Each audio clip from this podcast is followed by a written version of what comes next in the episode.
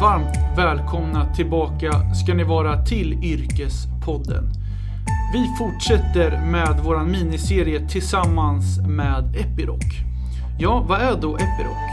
Jo, de är ledande global produktivitetspartner för gruv och infrastrukturindustrin. Epiroc är ett globalt företag som finns i många länder runt om i världen där bolaget främst producerar innovativa borriggar och bergbrytningsutrustning.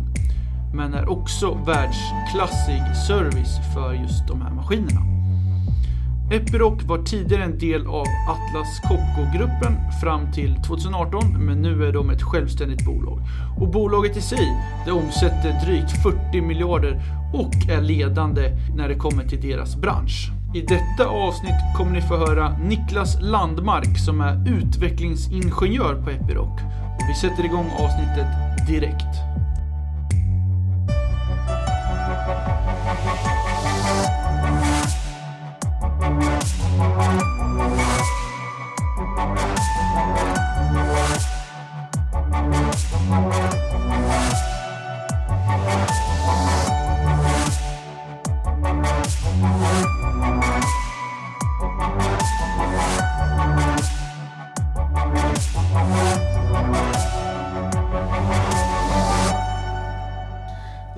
Välkommen till Yrkespodden Niklas. Hej, tack för att du fick komma. Hur är läget? Jo, det är bra. Det har varit en ganska intensiv vecka, men det är roligt att vara här. Mm. Hur går det för dig och eh, ditt jobb i coronatider? Eh, ja, det är ganska speciellt. Jag är van med att interagera med mycket människor, men just nu så jobbar jag hemifrån och har gjort det ett par veckor. Eh, vi ska försöka jobba hemma så mycket det går. Man får vara här eller på kontoret om, om det behövs, men annars är det mycket jobb hemifrån. Jag förstår. Men du, om vi backar bandet lite då, så kan väl du få berätta lite om dig själv. Så vem är Niklas? Niklas är en 41-årig kille som jobbar på Epiroc med att utveckla autonoma lastmaskiner och truckar. Eh, han har egentligen jobbat med sånt hela sitt liv. Eh, egentligen aldrig förstått vad han skulle bli när han blir stor men det har i efterhand visat sig att det alltid handlar om någon typ av utveckling. Och eh, vart är du uppväxt någonstans och vart gick du i gymnasiet? Eh, Jag kommer från ett litet ställe som heter Ölsboda. Det ligger ett par kilometer utanför Degerfors om man vet vart det ligger. Mm. Fotbollsställe. Eh, Så jag har gått grundskolan där och sen gymnasiet är en sån här naturteknisk linje på Bergslagsskolan i Karlskoga. Mm. Om vi tänker tillbaks lite till studenten där när man eh, går ut gymnasiet så är det mycket tankar vad man ska göra i livet. Vad, vad gjorde du efter studenten och hur gick tankarna? Ja, eh, på den tiden så hade man ju lite tur. Det, det fanns ju faktiskt en möjlighet att göra militärtjänsten. Men eh, när man gick ur gymnasiet så, så jag sökte faktiskt till högskola redan innan där. När man går en sån utbildning så får man ju egentligen inte, man är inte yrkesförberedd då utan då är det ju tänkt att man ska gå på högskola eller universitet. Eh, men jag fick, ska vi kalla det ett sabbatsår eller ett år utan skola. Inte mer än så heller utan efter militärtjänsten så började jag på Örebro universitet med Eh, elektronik eller elektronikingenjör. Eh, anledningen till det är att jag har ju alltid känt den här idén om att veta hur saker och ting funkar har varit väldigt givande för mig. Eh, men på gymnasiet så fick man ju prova både ja, mekkonstruktion eller elkonstruktion eller programmering. Och då ja, tyckte jag att det var roligast med elektronik eller el. Mm. Varför blev det just Örebro universitet då? Eh, Ja, det skulle lika gärna kunna bli Karlstad först. Det var det jag tänkte från början. De... Jag hade väl tänkt mig lite i närheten för att det var enkelt kanske. Eh, Men när jag hade gjort lumpen så sökte jag igen och då kom jag in i Örebro.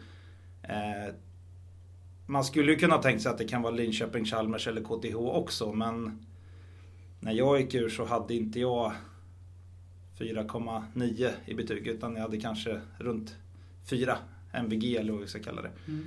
Eh, Så då räckte det inte riktigt till. Då hade jag behövt läsa upp ämnen för att komma in på dem. Men det visade sig vara ett väldigt bra val. Jag trivdes jättebra på Örebro universitet. Mm. Det, utbildningen då, den är fyra och ett halvt år eller hur ser den Eh, ja, jag började på en sån här treårig. Eh, den ser väl ut... Jag, jag ska inte säga att det är något special i Örebro, men de första ett och ett halvt åren så läser man lite basämnen, matematik och, och fysik kanske. Eh, och även, man gör det tillsammans med dataingenjörerna. Och det var en rätt bra grej, för då behöver man inte riktigt bestämma den här vägen man vill gå. Om man har en fallenhet för programmering direkt så kanske man... Ja, det kanske växer på lite under tiden. Jag hade kanske till och med läst en automatiseringsingenjörsutbildning om jag hade vetat att det hade funnits. Mm. Och jag tänker lite spontant här att när man söker sig till just en ingenjörutbildning eh, Det känns ju som att man ändå borde vara lite medveten om att det är väldigt mycket matematik och eh, Känner du att, om du skulle ge något tips här till lyssnarna, är, är det någonting som man behöver tycka om för att klara ingenjörslinjen? Eller hur skulle du utveckla det? Ja, eh, nej det, det är helt rätt. Man behöver nog ha Kanske inte att man måste kunna, men man ska inte vara rädd för det. Det är någonting som jag har tänkt på ganska mycket. Eh, även i grundskolan så har alltid lärarna sagt, lyssna ordentligt. Det här är svårt. Jag skulle vilja vända på den frågan och säga att matematik beskriver egentligen bara vår omvärld. Om man inte är rädd för matematik så, så kan man ta till sig det på ett helt annat sätt. Man kan tänka att man har nytta med matematik. Eh, Att det kan hjälpa en i många, ja, många delar av livet. Ska man bygga någonting eller ska man köpa någonting så ingår det alltid eh, liksom lite tankar och idéer först och då är ju matematik väldigt bra. Och inte bara plus och minus utan även lite kanske statistik eller procentsatser och felmarginaler. Så, men absolut, det är klart det behövs matematik. Mm. Vad, tar du med dig efter den här utbildningen då, när du tog examen från Örebro universitet? Eh, vad, vad, vad tar du med dig? Vad var mest värdefullt, tycker du? Ehm, ja, det var... Först och främst är det ju skönt att, att det blir ett avslut. Man känner att skolan är ett avslutat kapitel. Nu eh, när jag började prata här så var det ju en treårig utbildning jag började på. Men när jag gick i trean, det var då man bestämde att Ericsson inte skulle göra mobiltelefoner längre. Okej. Eh, Så det var ganska så skralt med, med ingenjörsjobb överallt i hela Sverige. Ehm, Så då läste jag faktiskt en magisterexamen istället. Mm. Eh, Men det var ju egentligen att fortsätta fördjupa sig lite, få lite mer projektuppgifter. Ehm, Men när det var färdigt, då kände jag att det var dags att börja jobba. Och när du var, var klar med examen där, var det direkt då du eh, började jobba på då hette det väl Atlas Copco eh, och inte Epiroc, eller var det någonting däremellan? Eh, mm. Ja, jag har faktiskt gjort en, en del saker emellan. Jag hade en kompis på universitetet som flyttade upp till Stockholm och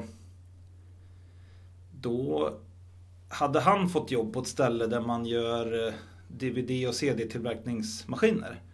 Så de behövde fler folk så jag åkte dit och sökte och fick också anställning hos dem. Så det var egentligen mitt första jobb och serviceingenjör för, för de här produktionslinjerna. Nu kanske ingen vet vad CD-skivor och DVD är snart längre. Några kanske. Några kanske. eh, men det var ju mediet som fanns innan streaming vart stort. Eh, sen när streaming, in, eller när fysisk media inte var så intressant längre så, eh, så la man ner det företaget. Och då fick jag ett erbjudande om att jobba på ett företag i Göteborg, en konsultfirma som hade byggt lite maskiner. När man gör en CD-skiva så lägger man ett metallskikt på. Mm. Eh, Så första året jag jobbade hos, hos det här DVD-företaget så, så var jag serviceingenjör och andra var en, en utvecklingsingenjör för att ta hand om den här maskinen och utveckla den. Så när företaget la igen så, så fick jag ett erbjudande. Då hängde jag på ner till Göteborg en sväng. Så jag har haft en session i Stockholm och en i Göteborg. Mm. Och när jag var i Göteborg så jobbade jag på, på Saab ute i Kallebäck. De gör militärflygplan och radar och sånt. Ehm, där var jag ungefär ett år, sen började det bli lite trixigt det här med att bo i Stockholm och veckopendla till Göteborg. Ja, det kan jag tänka mig. Ehm, jag var nog 20... Ja, vad kan jag vara? 28, 29 någonting. Jag och min tjej tänkte att det kanske var dags att skaffa familj. Så vi eh, sa att nu får jag komma hem. Jag, jag börjar söka jobb i Stockholm istället. Men sen fick hon faktiskt ett jobb i Örebro. Vi hade väl tänkt att komma lite närmare barnvakten när vi skaffade barn. Så hon fick jobb i Örebro och jag sa upp mig. Och sen så flyttade vi till Örebro. Och där fick jag också ett jobb på en konsultfirma. Och jag hade lite uppdrag både i Karlskoga och jag har byggt några trådlösa dörrlås och lite sånt också. Ehm, Men sen, för att inte bli för långrandig, så, så vart det Atlas Copco som det hette på den tiden. Ehm, Och då började jag på eh, elavdelningen. eh, Där vi bygger 24 volt systemen för lastarna. Mm, jag förstår. Men om du skulle ta dig in i den rollen nu som nyanställd på nu det heter Epiroc, dåvarande Atlas Copco. Hur såg liksom upplärningsprocessen ut om man nu ska börja jobba på Epiroc som ditt yrke? Eh, Ja, jag tror att det är ganska lika för alla typer av ingenjörer. Oftast får man någon sorts handledare eller en person och, som lär upp en. Eh, Även fast man kommer ny från ett universitet och kan en massa saker teoretiskt så finns det ju förhållningssätt. Man, man gör ritningar på vissa sätt och strukturer är på ett visst sätt. Så allt som oftast så får man en, eh, en handledare som som guide eller vad man ska säga så man kommer in i arbetet fort. Det är en trygghet också, det är, det är ett väldigt bra sätt att jobba. Eh, oftast så får man eh, arbeta lite i produktion också bara för att se hur maskinerna ser ut. Och lära sig lite. Det är inte bara, man ska inte uppfinna varje dag utan det handlar om att, produktunderhåll och, och ja, lösa det som behöver lösas. Det är inte alltid att man sitter och uppfinner någon ny maskin. Det är väldigt sällan man gör det. Ja. Det var lite roligt orduttryck ändå, uppfinnare. Alltså är det, är det där egentligen som präglar ingenjörsyrket? Svårt för mig att säga, men jag tror att många tror att man sitter och hitta på en massa smarta lösningar hela tiden. Eh, men verkligheten trillar ju in. Det, det finns ju kostnader, ledtider, kundbehov. Eh, det är klart att man får vara uppfinnare också. Jag säger inte det. Så det är ju en viktig del att man tänker fram finurliga lösningar på problem. Jag förstår. Men du, om vi går in på din yrkesroll som är då utvecklingsingenjör. Mm. Eh, det, det låter ju väldigt brett när man hör yrket. Men jag tänkte att vi skulle skala ner det här lite och du får förklara liksom hur ser en vardag ut för dig och, och vad gör du på jobbet? Mm. Eh, hur ska man förklara det? Eh, när jag började så var jag elkonstruktör och då byggde vi våran största underjordslastare. Eh, det höll jag på med ungefär ett år, sen vart jag, var jag föräldraledig. Och sen när jag kom tillbaka så startade jag upp en systemeringsavdelning så vi byggde eh, spesar, funktionsspesar för hur, hur man ska implementera saker. Det gjorde jag några år och sen, sen efter det så fick jag ett funktionsansvar för, för de här autonoma maskinerna. Och det är väl ungefär där vi är just nu. Ehm, du har helt rätt i att det är ett väldigt brett jobb.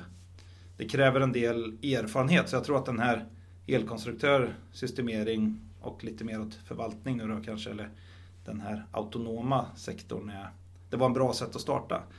Eh, det är ganska mycket möten, det är ganska mycket att hålla ihop. En funktion sitter ju både i mekanik, el, hydraulik och mjukvara. Eh, när vi pratar det jobbet som jag gör så är det väldigt mycket kring hur mjukvaran ska förändras. De kör ju själv de här maskinerna. Men en typisk dag är väl att man har ett möte om hur man bestämmer hur någonting ska vara och följa upp hur det går.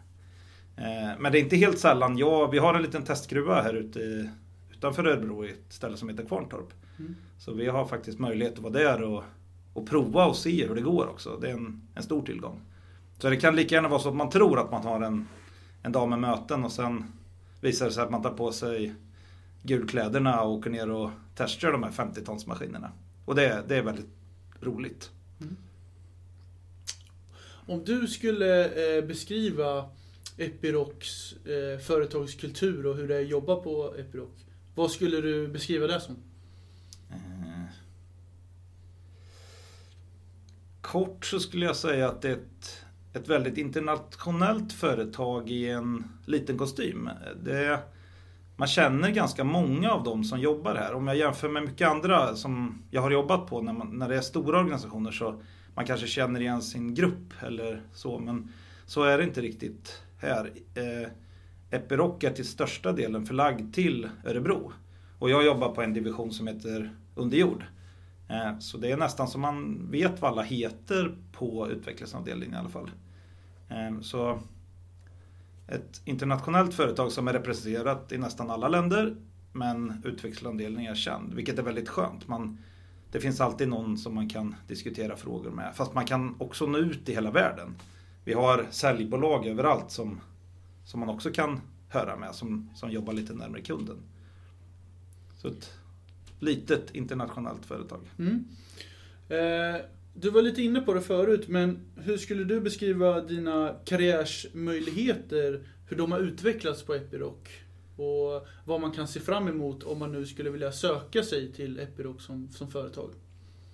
Eh, ja, men jag tror att de här möjligheterna är ganska goda. Eh, vi pratade ju lite innan om, om maskiner, men de har väl funnits ett tag. Att man har gruvlastare och gruvtruckar och borrmaskiner. Men nu går vi in i en ny era där man ska digitalisera allting. Eh, jag tror att alla förstår att man kanske inte vill vara tusen meter under jord. Så vi, det vi försöker göra är ju att ha en, en gruvdrift som det inte är människor i. Utan man sitter i ett kontrollrum och kör istället. Mm. Så det är ett, väl, ett spännande skifte där man, eh, där man kan använda den nya tekniken. LTE eller 5G, Internet of Things. För att koppla bort människorna från den fysiska gruvmiljön. Så, och det kräver en hel del ny kompetens. Som jag tror att man har på de utbildningarna som finns idag. Så att det är stora möjligheter att jobba på Epiroc. Vad är dina personliga framtidsplaner nu då och även med, med din yrkesroll på Epiroc? Uh, jag känner att jag är i en sån här sweet spot just nu. Uh, att få vara med och utveckla de här autonoma maskinerna är Ja, det är jätteroligt. Och det är väldigt brett och man kan ta tag i lite vad som helst. Och jag ser inte att det någonsin kommer ta slut. Um, there is always a better way.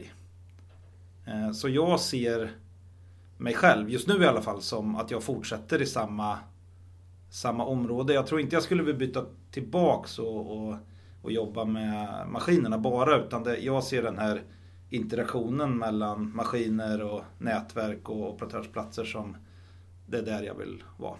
Mm. Spännande. Du, eh, för att eh, knyta ihop den här säcken då, så ska ju alla gäster få ge avslutande karriärtips till lyssnarna. Eh, och då ska ju egentligen du ge några tips vad de bör tänka på om man vill jobba med ditt yrke då som, som utvecklingsingenjör då, men det blir väl egentligen ingenjörsyrket. Mm. Så att jag tror att du har några tips här som du skulle vilja förmedla. Ja, eh, och jag kan ju bara säga vad jag själv eh, ser. Eh, jag har ju, som jag har berättat, gjort ganska mycket olika saker. Men det har jag alltid haft nytta av. Att man gör många olika saker. Det kommer alltid igen problem på något sätt som man har nytta av att man har sett någon annanstans. Så erfarenhet, vad den än må vara, är väldigt, väldigt viktigt. Ehm, sen tänker jag att man, man ska prova. Man ska inte tro att någonting är för enkelt eller för svårt. Man kan i alla fall ge det en chans. Det, det, de hör ju ihop. Eh, det, det ena ger ju det andra. Eh, man kanske inte ska hugga efter för stora bitar heller på en gång. Utan man bygger upp en erfarenhet och den har man alltid nytta av. Mm. Superbra tips. Eh, då säger vi faktiskt tack så mycket för att du var med i Yrkespodden. Och så säger vi hejdå. Mm, tack så mycket. Hej hörni, Jens här från Yrkespodden. Hoppas ni tycker om podcasten och se till att prenumerera på Yrkespodden i din poddapp. Det finns på Spotify, iTunes, Acast, Soundcloud. Ja, ni vet, där alla poddar finns. Jag finns också på LinkedIn, Jens Jangdin, och även på Instagram, där jag också heter Jens Jangdin. Tack så mycket!